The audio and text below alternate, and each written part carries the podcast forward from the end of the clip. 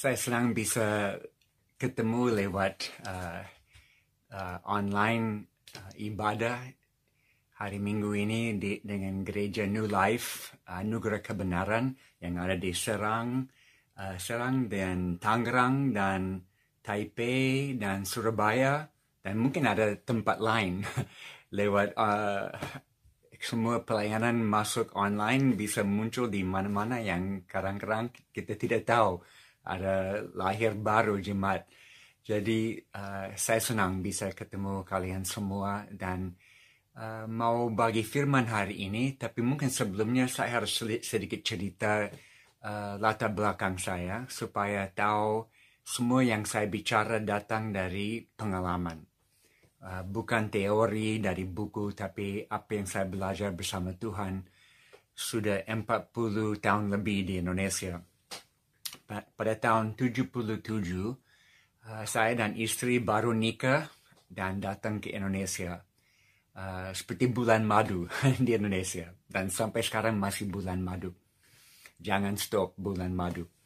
Dan kami punya beban dari Tuhan panggilan uh, untuk suku-suku yang terabaikan uh, dan kami cari mana ada suku-suku yang dilupakan dunia modern paling banyak di dunia dan pada tahun 77 uh, itu Irian Jaya Papua uh, yang punya 250 suku 250 bahasa dan pada waktu itu kebanyakan belum dengar kabar baik tentang Yesus jadi itu yang membawa kami ke Papua. Dan kami punya panggilan, saya dan istri. Dari hari pertama kami nikah, kami mau melayani sama-sama. Dan panggilan kami adalah kami mau buat pelayanan yang orang lain tidak bisa buat atau tidak mau buat.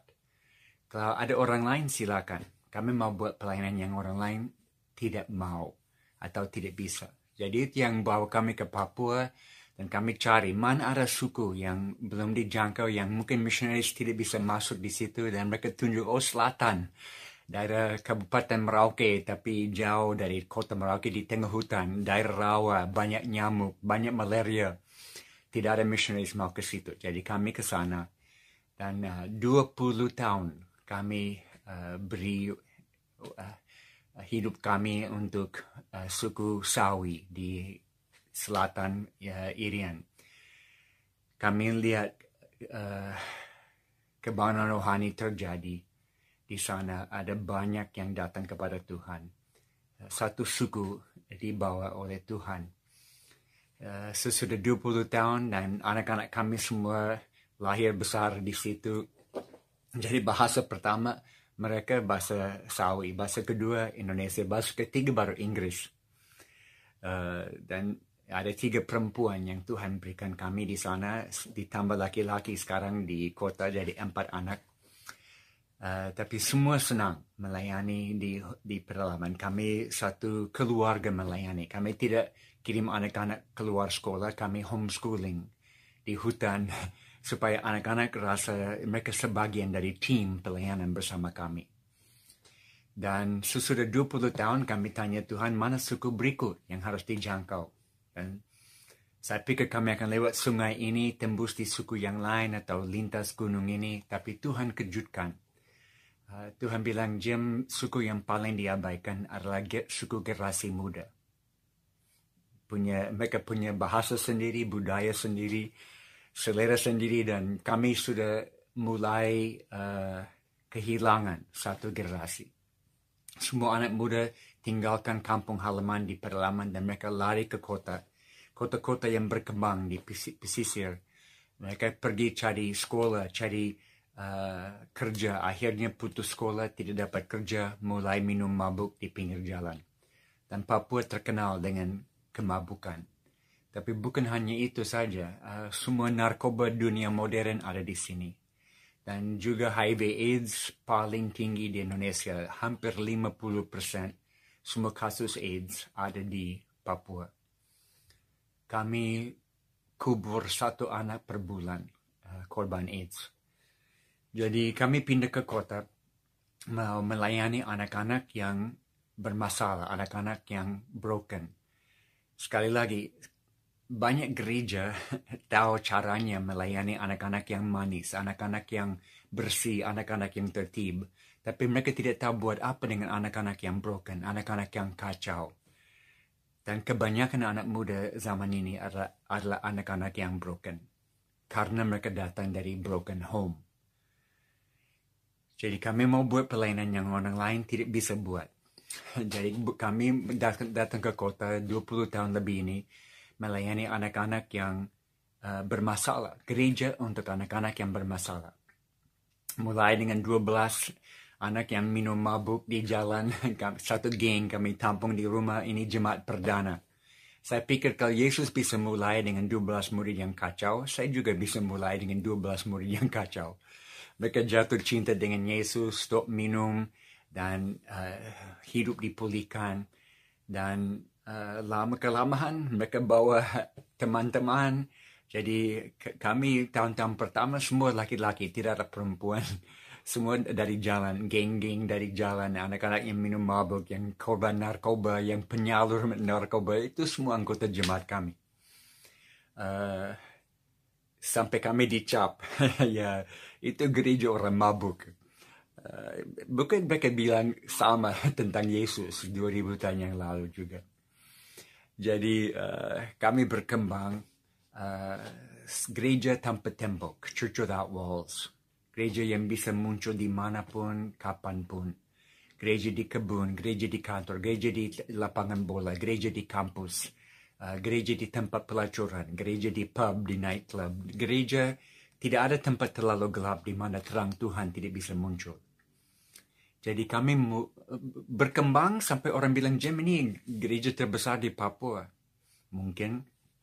Tetapi sesuatu terjadi 15 tahun yang lalu yang merubah hidup saya untuk selama-lamanya waktu tanggal 26 Desember jam 8 pagi di dalam laut di pantai barat utara Sumatera, plat-plat di bawah air membuka dan sudut semua air dari pantai. Dan pantai kering, ada banyak ikan gratis, anak-anak keluar dari kampung-kampung dapat ikan gratis. Tapi akhirnya plat-plat itu tutup lagi dan gelombang tsunami pertama datang dan mengambil semua anak-anak itu dari pantai. Semua kampung di pesisir diambil semua orang. Ada gelombang pertama tsunami Aceh. Gelombang kedua, tiga gelombang. Gelombang ketiga, 30 meter tingginya. Dan semua kita tahu hancur total. Saya di Papua waktu tsunami terjadi dan kami monitor sama seperti semua orang di Indonesia. Kami nonton Metro TV satu hari, dua hari, tiga hari. Tidak ada bantuan masuk. Karena semua jalan putus. Semua uh, bagian dari terminal sudah roboh. Dan waktu saya lari pagi, setiap pagi saya lari, istri saya juga lari, kami lari 10 kilo setiap hari. Jaga fitness supaya tidak dapat malaria terus menerus. Juga ini waktu untuk berdoa, lari dan berdoa. Dan saya lari dan berdoa dan Tuhan bilang, Jim harus ke Aceh. Oke. Okay. saya panggil keluarga, saya bilang, Tuhan mau kita ke Aceh. Mereka bilang, oke, okay, kami siap dengan tim medis juga. Anak saya Amy yang tangani plan itu, dia kumpulin obat dan kami bawa tim dan kami tiba di Banda Aceh. Malamnya hari ketiga susul tsunami dengan pesawat komersial pertama yang mendarat. Kami ada di dalam. Mujizat. Dan waktu saya turun dari pesawat, saya cium bau busuk dari semua mayat yang belum dibersihkan. Saya jalan di Banda Aceh, kota modern ini yang hab, setengah sudah disapu habis, habis ke laut, tidak ada lagi. Dan saya sadar 250 ribu orang sudah meninggal tanpa harapan.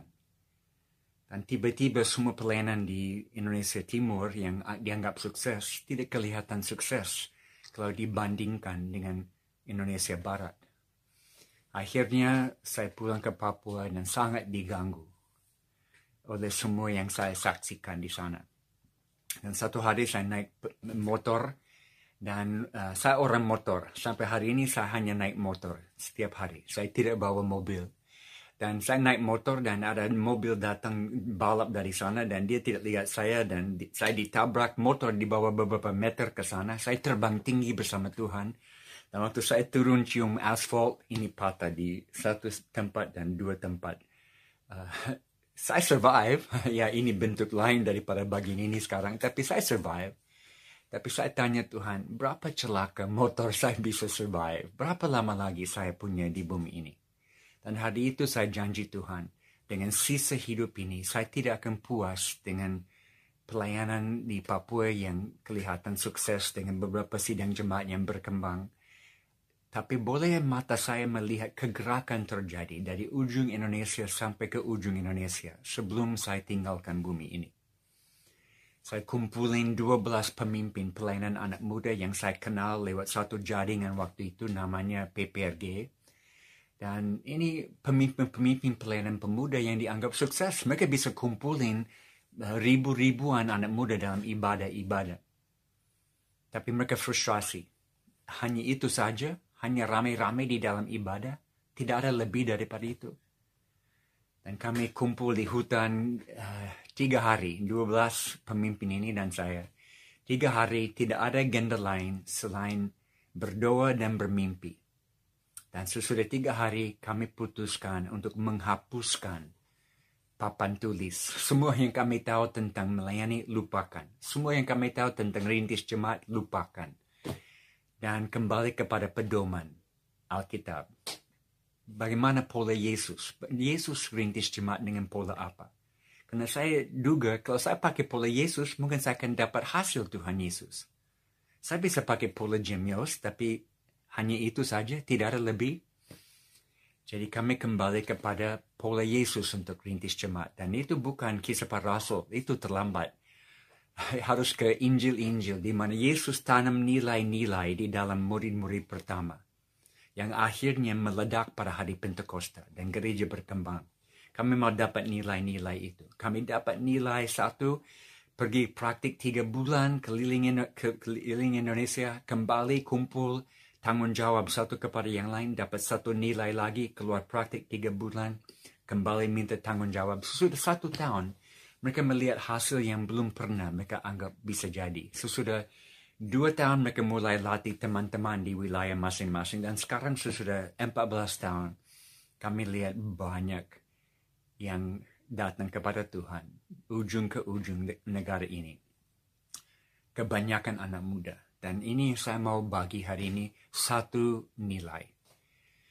Dan bisa diambil dari Matius 9 ayat 9 sampai 17. Tidak usah buka, saya mau uh, storytelling. Yesus ada jalan dan dia lewat tempat kumpul pajak yang ditangani Matius. Matius adalah anak nakal. Dia orang kumpul pajak, penipu. Dan Yesus hanya ungkapkan dua kata, ikutlah aku. Dan Matius tinggalkan semua dan ikut Yesus. Dan langsung Yesus ke mana? Ke rumah Matius. Dan makan dengan geng anak-anak nakal dari komunitas Matius. Karena Matius adalah pintu masuk ke dalam komunitasnya. Yesus selalu mencari komunitas untuk merintis jemaat di situ. Dan dia mau rintis jemaat di situ. Tapi ada rombongan gereja, orang Farisi, datang dan mengeluh Yesus kenapa mau hangout dengan anak-anak nakal ini? Dan Yesus jawab, hei ini masyarakat saya. Saya datang untuk mencari yang hilang. Yang sakit yang perlu dokter, bukan yang sehat. Tapi itu tidak cukup. Esok hari ada rombongan lain lagi datang. Nah, rombongan kedua lebih baik daripada rombongan pertama. Ini murid-murid Yohanes Pembaptis. Tapi mereka mengeluh juga. Mereka tanya, kenapa Yesus dan murid-murid tidak berpuasa? Ini pertama kali dalam firman kita sadar Yesus larang murid-murid berpuasa. Wow jam, kami kuat puasa. Yesus bilang stop puasa. Stop yang lama supaya bisa dapat yang baru. Ini bukan transisi. Stop yang lama supaya bisa dapat yang baru. Dan puasa dalam budaya Yahudi waktu itu hanya untuk duka. Kalau orang meninggal, mereka duka kematian dengan puasa atau mereka duka dosa dengan puasa. Dan Yesus bilang selama pengantin ada bersamamu ini bukan waktu untuk duka. Stop yang lama untuk terima yang baru. Dan sekarang kita tahu puasa ada arti baru. Tidak ada hubungan dengan yang lama. Dan dia akhir dengan satu ilustrasi. Dan kalau ada anggur baru, tidak boleh isi dalam kantong kulit yang lama. Harus akan pecah, harus ada kantong kulit yang baru. Dan saudara, anggur di situ bukan roh kudus. anggur adalah penuaian. Karena konteks Matius ikut Yesus. Penuaian tidak dapat diisi dalam kantong yang lama. Harus ada kantong kulit baru. Dan ada banyak kantong kulit baru yang Tuhan berikan kita sekarang ini untuk penuaian akhir zaman. Di Olimpik, uh, lomba yang saya paling suka, lomba loncat. Orang lari kencang loncat ke atas besi beton. Kalau dia lewat, di atas besi beton dinaikin, dinaikin sampai tinggal satu orang yang bisa lewat di atas. Itu contoh, ilustrasi apa yang kita sudah buat di dalam gereja pada umumnya kita buat pelayanan lebih rapi, lebih profesional, lebih berstandar, kualifikasi tinggi, sampai hanya beberapa orang bisa lewat dan layani di atas. Ini waktunya harus kasih turun besi beton, supaya semua orang bisa masuk ke dalam penginjilan akhir zaman. Semua orang punya bagian. Ada 640 kegerakan yang terjadi di dunia sekarang saya tahu karena saya ada satu kelompok yang kami menilai uh, mana ada kegerakan. Dan kegerakan bukan rame-rame kumpul orang di lapangan. Itu event. Events are easy. Kegerakan is sulit. Kegerakan definisinya dua-dua-dua. Katakan sama-sama, dua-dua-dua. Dua Timotius pasal 2 ayat 2 di mana Paulus bilang, Hei Timo, apa yang saya berikan kepadamu, kamu berikan kepada orang lain yang bisa berikan kepada orang lain. Dari Paulus ke Timotius kepada orang lain, kepada orang lain. Empat generasi. Kalau sudah ada empat generasi murid, baru bisa bilang ini kegerakan. Bukan hanya kumpulin satu generasi atau dua generasi banyak-banyak. Harus sampai empat generasi ada kegerakan. Dan ini yang ciri khas nilainya satu adalah uh, kegerakan-kegerakan semua di dunia dan di Indonesia dipimpin oleh no name, no fame people. Mereka tidak muncul di Facebook, mereka tidak muncul di televisi, mereka tidak bikin buku. Uh, you'll never hear about them. Tapi Tuhan pakai mereka dengan luar biasa. Oke, saya mau cerita storytelling sekarang beberapa contoh. Saya tidak bisa cerita dari orang lain, hanya dari pengalaman saya. Uh, Oke, satu hari Yesus ada di uh, Yerusalem, Matius 19. Dia lewat anak-anak datang dan mereka mau datang ke Yesus dan Yesus punya bodyguard bodyguard murid-murid larang hei anak-anak jangan ganggu Yesus jangan ganggu guru tapi Yesus tegur Yesus bilang bi biar mereka datang karena kerajaanku ada untuk mereka, ada bagian untuk mereka. Kadang-kadang kita pikir ini anak-anak Yahudi yang manis, jubah putih. Tidak, ini anak-anak jalanan. Mereka tidak mandi satu minggu. Jubah sudah kotor dan robek. Dan mungkin mereka tarik-tarik jubah Yesus minta uang. Atau kalau di Indonesia mungkin ada satu dengan keroncong di tangan dan dia nyanyi-nyanyi dan mau minta dari Yesus. Dan anak-anak jalanan, anak-anak nakal punya bagian dalam penginjilan akhir zaman. Mereka bukan objek pelayanan, mereka subjek pelayanan. Waktu kami pindah ke kota, kami tampung anak-anak nakal di rumah. Selalu 20 tahun ini ada 20, kurang lebih 20 anak tinggal di rumah bersama kami. Umur 8 sampai 18, laki-laki perempuan. Ini bukan panti asuhan ini keluarga besar. Karena anak-anak perlu figur bapa dan mama lebih daripada hanya atap di atas kepala. Dan siapa muridkan mereka? Mereka saling memuridkan. Karena kami pakai Matius 10 uh, ayat 8, cuma-cuma diberi, cuma-cuma harus membagi. Sedikit kemajuan yang kamu dapat dengan Tuhan, kamu harus bagi dengan orang lain. Tidak harus jauh di depan, hanya satu langkah di depan orang yang kamu muridkan. Jadi kalau anak-anak mau dapat uh, mau terima anak baru datang tinggal di sini, mereka buat house meeting. Saya dan istri tidak ikut. Dan mereka kumpul dan mereka bahas. Satu anak ungkapkan, ya saya punya teman yang baru jatuh. Dalam sekali. Jadi mari kita ambil dia, bawa dia tinggal di sini. Supaya dia cari hidup yang baru.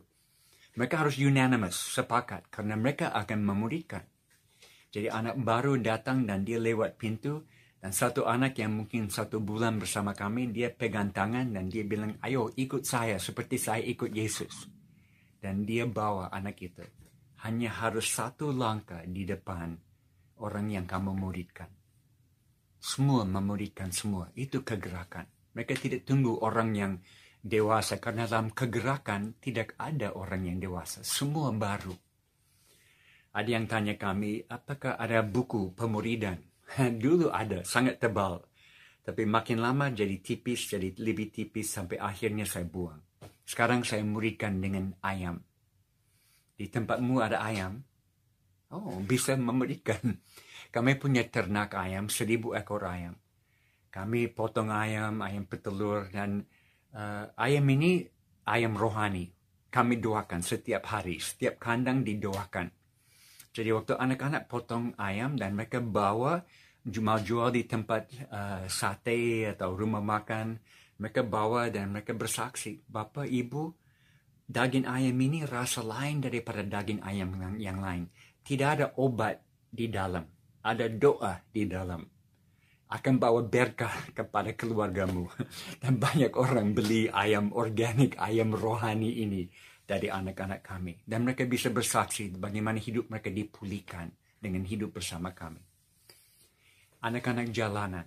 Kami punya uh, banyak uh, satpam-satpam, anak-anak yang dulu dalam geng-geng bertobat dan sekarang kami latih mereka sebagai satpam, security. Dan mereka jaga airport dan business-business, sekolah-sekolah. Tempat yang dulu mereka bongkar dan curi, sekarang mereka jaga. Dan ada anak nakal tengah malam lewat. Itu teman-teman semua, kriminal semua teman mereka. Mereka tangkap, bawa ke pos satpam dan injili dia, PA dengan dia. Orang, anak-anak nakal menjadi pelayan Tuhan dengan kegerakan akhir zaman. Oke, okay, ada kedua. Uh, di Yohanes 4, Yesus lewat Sikar di Samaria dan ada perempuan yang timba air siang hari karena dia wanita pelacur. Dia tidak bisa dengan ibu-ibu yang lain dan Yesus buka hati dia dan dia lari kembali ke kota dan bawa semua turun ketemu Yesus. Dan Yesus tinggal dua, tiga hari lagi dan satu kota datang kepada Tuhan lewat wanita pelacur. Saya pikir kalau terjadi 2000 tahun yang lalu masih bisa terjadi hari ini. Di Indonesia, saudara tahu atau tidak, perdagangan wanita menghasilkan 3,3 billion US dollars setiap tahun. Dan uh, banyak tempat ada. Dulu kita tahu Surabaya, Jalan Doli sebelum ditutup Risma. Uh, beberapa tahun lalu uh, ada satu cewek di Surabaya, kita kasih nama Dewi. Dewi nikah muda, dapat satu, dua, tiga anak cepat. Suaminya dapat kanker meninggal Dewi tidak tahu mau kasih makan anak-anak cara apa. Ada yang bilang dia, hey bisa naik kapal dapat tiket gratis pergi ke Papua. Ada tempat restoran bisa kerja di situ. Oh dia pikir bagus. Jadi dia naik kapal datang tiba di sini. Dia masuk ke restoran tapi akhirnya dia sadar ini bukan restoran. Ini tempat pelacuran. Dan 15 menit dari rumah kami ada satu kota pelacuran dan 300 pelacur dibawa dari Surabaya untuk kerja di sini. Dan beberapa tahun lalu di palang jalan gereja-gereja mau tutup tempat itu. Dan saya lewat hari itu dan saya menangis.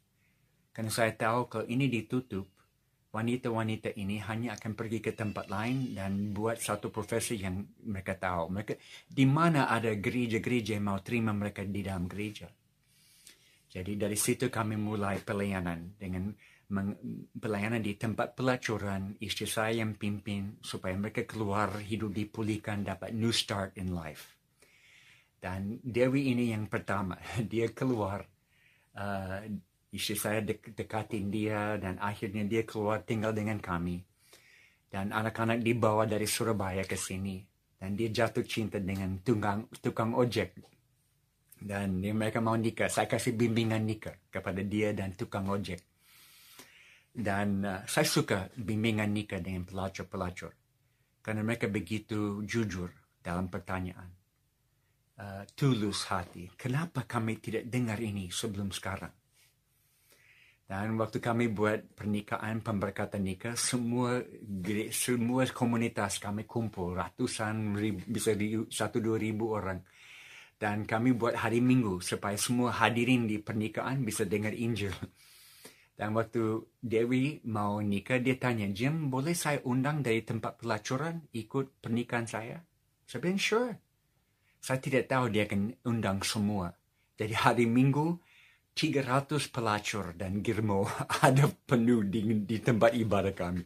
Dan mereka ada di baris-baris depan dengan pakaian satu-satunya yang mereka miliki.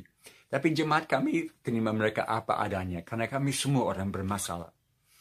Dan hari itu saya bayangkan kalau Yesus di sini, ini persis seperti Yesus 2000 tahun yang lalu.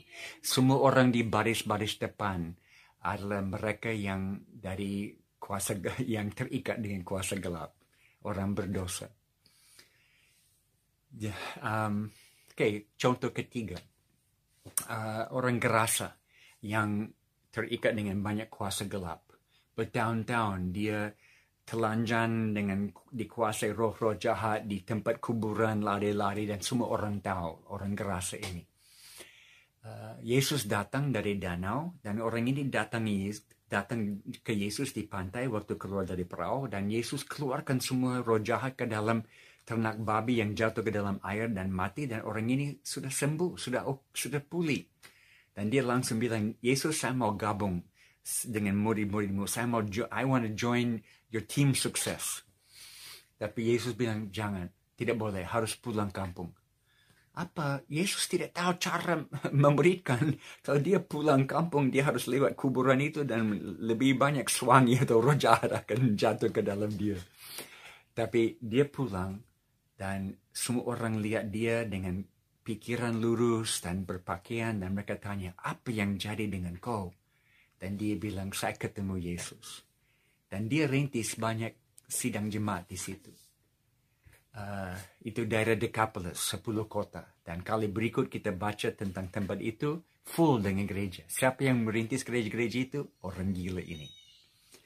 Itu prinsipnya orang bertobat kita selalu bilang ayo kamu harus keluar dari kuasa gelap. Da dari daerah itu uh, harus datang ke gereja dan kami muridkan. Kami murid-murid-murid satu tahun, murid-murid-murid dua tahun. Baru kami bilang pergi kembali dan jangkau teman-teman terlambat. Muridkan dalam konteks. Itu yang Yesus tekankan dengan orang ini. Ada orang di samping rumah kami, ada ada koramil, perumahan koramil. Dan satu anak yang besar di situ namanya Demetrius. Kami panggil dia Demi.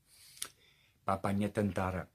Waktu dia bertumbuh, dia selalu melihat uh, waktu kecil uh, bapa pukul mama. Hampir setiap hari mama dipukul oleh bapak.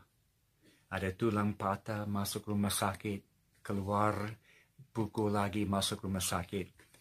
Dan waktu Demi masih muda satu hari, dia masuk kamar malam uh, dengan parang, dia mau potong lehernya bapak. Tapi pada saat terakhir, Tuhan pegang tangan dan dia tidak buat. Esok hari, uh, bapaknya keluar ke pos jaga dan waktu kembali sore di depan rumah dia jatuh dan mati di tempat. Mereka tidak tahu ada serangan jantung atau stroke tapi sudah meninggal. Tapi Demi punya luka dalam hati dan bertahun-tahun dia berontak, dia nakal, jahat, dia town criminal, dia punya geng, dia masuk penjara keluar, masuk lagi keluar semua adik-adik uh, bertobat lewat pelayanan kami dan mereka bersaksi kepada Demi. Mamanya juga bertobat dalam pelayanan kami, bersaksi kepada Demi, tapi Demi tidak mau dengar. Mereka bilang Demi di luar anugerah Tuhan, terlalu nakal.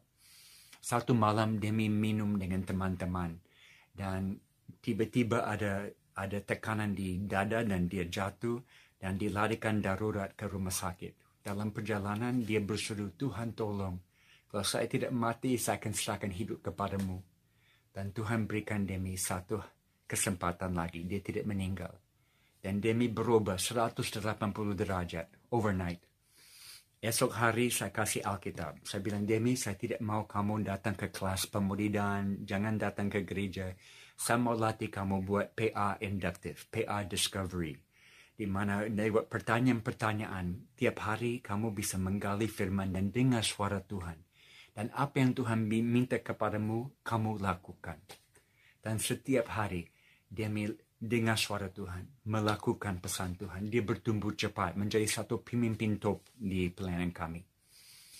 Satu hari dia datangi saya, dia bilang, Jim, kalau Tuhan bicara kepada kami lewat renungan pagi atau dalam kelompok kecil atau kelompok besar, kalau kami dengar suara Tuhan lewat firman, kami harus taat dalam 48 jam. Kalau kami tidak melakukan pesan Tuhan dalam dua hari, kebenaran itu akan hilang saya renungkan, betul juga. Jadi itu menjadi syarat 48 dalam pelayanan kami seluruh Indonesia. Kalau Tuhan bicara kepadamu, saudara punya 48 jam untuk taat. Itu ciri khas kegerakan. Orang orang taat dan taat cepat. Radical obedience. Yang berikut, uh, contoh Zacchaeus. Zacchaeus di Jericho. Zacchaeus adalah orang bukan hanya kumpul pajak, dia bos mafia pajak di Jericho. Semua orang benci dia. Dan waktu Yesus datang ke Jericho, dia pikir mungkin Yesus satu-satunya orang di bumi ini yang akan terima saya apa adanya. Dia datang dan karena banyak orang di jalan dia naik pohon. Bos mafia naik pohon seperti anak kecil. Karena harus lihat Yesus. Dan Yesus hanya lihat dia dan dia bilang, Hey Zak, saya mau ke rumahmu dan makan malam ini. Dan Yesus ke rumahnya dan Zacchaeus bertobat dan kembalikan semua uang yang dia sudah rugikan orang. Kadang-kadang kita lihat di kota kami ada kelompok atau orang yang kita rasa terlalu nakal, terlalu jauh seperti Zacchaeus. Kita cap, ini orang di luar anugerah Tuhan tidak bisa dimenangkan. Mungkin di kotamu ada ada geng, ada geng-geng. Papua ada geng-geng. Geng paling besar, geng reggae rasta. Ini anak-anak yang tidak potong rambut tujuh tahun, gimbal semua. Dan mereka semua pakai narkoba dan jual narkoba. Semua penyedaran narkoba di tangan mereka. Anak-anak ini tidak masuk gereja. Kalau mereka masuk gereja, semua orang gereja akan lari keluar takut. Jadi saya pikir-pikir bagaimana saya bisa buat gereja khusus untuk mereka. Oke, okay, mereka suka musik, musik reggae. Banyak mereka uh, musisi. Oke, okay, saya sponsor festival musik. Bukan Kristen, sekular. Tiga hari di lapangan di depan kantor bupati. Sepuluh ribu anak muda kumpul tiap hari. Ada tiga puluh dua grup band seluruh Papua yang mempengaruhi anak muda dengan liriknya, dengan musiknya. Saya mau lihat apakah saya bisa menangkan grup band dan ini akan jadi sidang jemaat. dengan fansnya. Dan terjadi dengan dua. Tapi di situ saya ketemu anak-anak reggae rasta. Dan saya tanya mereka, di antara kalian ada yang mau belajar Alkitab dengan saya? Ada, ada sepuluh yang mau. Kenapa anak-anak seperti ini mau belajar Alkitab? Karena mereka anak-anak tanpa bapa. Mereka di jalan, tidak ada figur bapa dalam hidup mereka, dan mereka cari bapa. Jadi saya jadi itu bagi mereka. Saya tidak hakimi mereka. Saya tanya, kapan, hari apa mau kumpul untuk belajar Alkitab? Mereka pilih hari Sabtu. Hari Sabtu siang, jam 12 siang. Karena mereka tidak bisa bangun lebih cepat. Karena hari Jumat malam mereka semua mabuk berat dengan dan saya bilang, oke, okay, saya tidak peduli dengan apa yang kamu buat Jumat malam. Kalau mau bangun Sabtu dan mau belajar Alkitab, setiap minggu saya akan datang. Setiap minggu saya datang, saya tunggu mereka bangun, kami belajar Alkitab. Sesudah beberapa minggu, ada dua yang bertobat terima Yesus dan dibaptis. Beberapa minggu kemudian ada pemimpin geng ini. Ini 600 anggota geng ini. Dan pemimpinnya dia telepon. Dia bilang, Jim kami akan buat rapat pemimpin. Kami minta Pak Jim ikut. Oke, okay. saya datang ada bukit di mana 12 pemimpin duduk mereka isap rokok yang saya tidak tahu isinya dan bicara-bicara dan satu bicara ya kami khawatir karena banyak anggota geng kami ditangkap polisi, dikunci di sel. Ada satu lagi, ya mungkin kami perlu tujuan hidup yang baru. Satu lagi, ya kami minta Pak Jim ikut hari ini karena kami mau tahu apakah Pak Jim bisa jadi penasihat rohani kami. Mereka tidak tahu istilah gembala jemaat penasihat rohani. Saya bilang, ya sure, saya bisa buat itu. Dan saya langsung masuk dengan cerita bahwa mereka diciptakan dalam gambar Allah dengan harapan dan warisan masa depan. Habis itu, mereka bilang, kami harus lakukan sesuatu berdasarkan apa yang kami dengar hari ini langsung mereka mau taat. Oke, okay, kami akan buat konser karena mereka semua musisi. Kami akan buat konser gratis untuk semua anak muda di kota. Dan kami akan pasang tema anti narkoba. Saya kejut. Saya lihat keliling, saya tahu mereka semua pemakai dan hampir semua penyadar. Dan mereka mau buat konser anti narkoba. Dalam hati saya senyum. Terima kasih Tuhan. Ini seperti anak kecil yang belajar berjalan. Dan ini muncul gereja untuk mereka yang tidak akan masuk gereja di tempat lain. Why not? Kenapa tidak? Contoh terakhir, uh, satu kali Yesus di Yerusalem, uh, Markus 12, dia masuk bait Allah dan waktu mau keluar, ada kotak persembahan di samping pintu keluar dari bait Allah dan orang masukin uang di situ. Nah, ada satu ibu janda lewat, dia masukin dua koin. Yesus lihat itu dan dia panggil murid-murid, hey guys, ini waktu sekolah, saya mau ajar sesuatu. Ketika perempuan itu, dia kasih masuk lebih banyak daripada semua orang yang lain. Tapi murid-murid Yesus agak slow, mereka tidak tangkap. Dan Yesus harus jelaskan, ya dia masukin semua yang dia punya. Jadi itu lebih besar daripada semua orang lain yang masuk. Gereja kami miskin tidak ada yang punya pekerjaan, tidak ada pejabat, uh, tapi mereka tahu memberi. Uh, dan sekarang anak-anak dapat kerja kadang-kadang 100% dari paycheck, dari gaji mereka kembalikan kepada Tuhan. Karena mereka sangat bersyukur mereka dapat second chance dalam hidup ini. Beberapa tahun lalu ada dua pendeta dari gereja besar di Singapura, gereja terbesar di Singapura, gereja kaya. Mereka buat mission trip di Indonesia, mulai di Jakarta, akhir di Papua. Dan mereka ada di Papua pada hari Minggu. Saya dihubungin. Jim, ada dua pendeta dari Singapura, gereja besar, mau ikut ibadahmu. Oke. Okay. Mereka ikut ibadah dengan ratusan anak muda, semua dari latar belakang yang kacau. Tapi mengasihi Tuhan dengan segenap hati. Mereka duduk di tengah-tengah nikmati ibadah. Mereka tidak punya bagian. Mereka hanya mau menikmati. Pada akhir ibadah, pemimpin kami, uh, Franz namanya, dia murid saya. Dulu dia mabuk di jalan, dia pimpin geng di jalan. Sekarang dia gembala jemaat. Franz lihat, oh ada dua tamu yang datang dari jauh, dari Singapura. Dan sebelum dia tutup ibadah, dalam hati dia rasa mereka pasti harus keluarkan banyak uang untuk beli tiket untuk datang ke Papua. Kami harus bantu mereka. Dia tidak tahu mereka dari gereja besar, gereja yang kaya. Dia tidak tahu Singapura di mana, berapa tanjung di sungai sampai tembus di Singapura. Dia hanya tahu mereka datang dari jauh harus dibantu. Jadi dia bilang, hei anak-anak jangan pulang. Mari kita buat kolektif tambahan, persembahan ekstra untuk bantu dua tamu ini. Jadi semua anak maju ke depan, kasih masuk uang di dalam keranjang besar dia panggil dua pendeta ini ke depan untuk terima persembahan. Waktu mereka maju ke depan, uang ditaruh di tangan, mereka menangis. Dan satu bicara, Jim, beberapa tahun ini kami keliling dunia, buat mission trip, di mana kami pergi, mereka tahu kami dari gereja kaya di Singapura dan selalu mereka ulurkan tangan minta uang dari kami. Ini pertama kali ada persembahan yang diberikan kepada kami. Dan mereka menangis. Dan saya langsung jawab, itu karena anak-anak kami tidak tahu mereka miskin. Mereka tidak tahu mereka miskin. Karena miskin bukan di dompet, miskin ada di sini, di dalam pikiran. Tuhan pakai orang-orang miskin dalam kegerakan akhir zaman.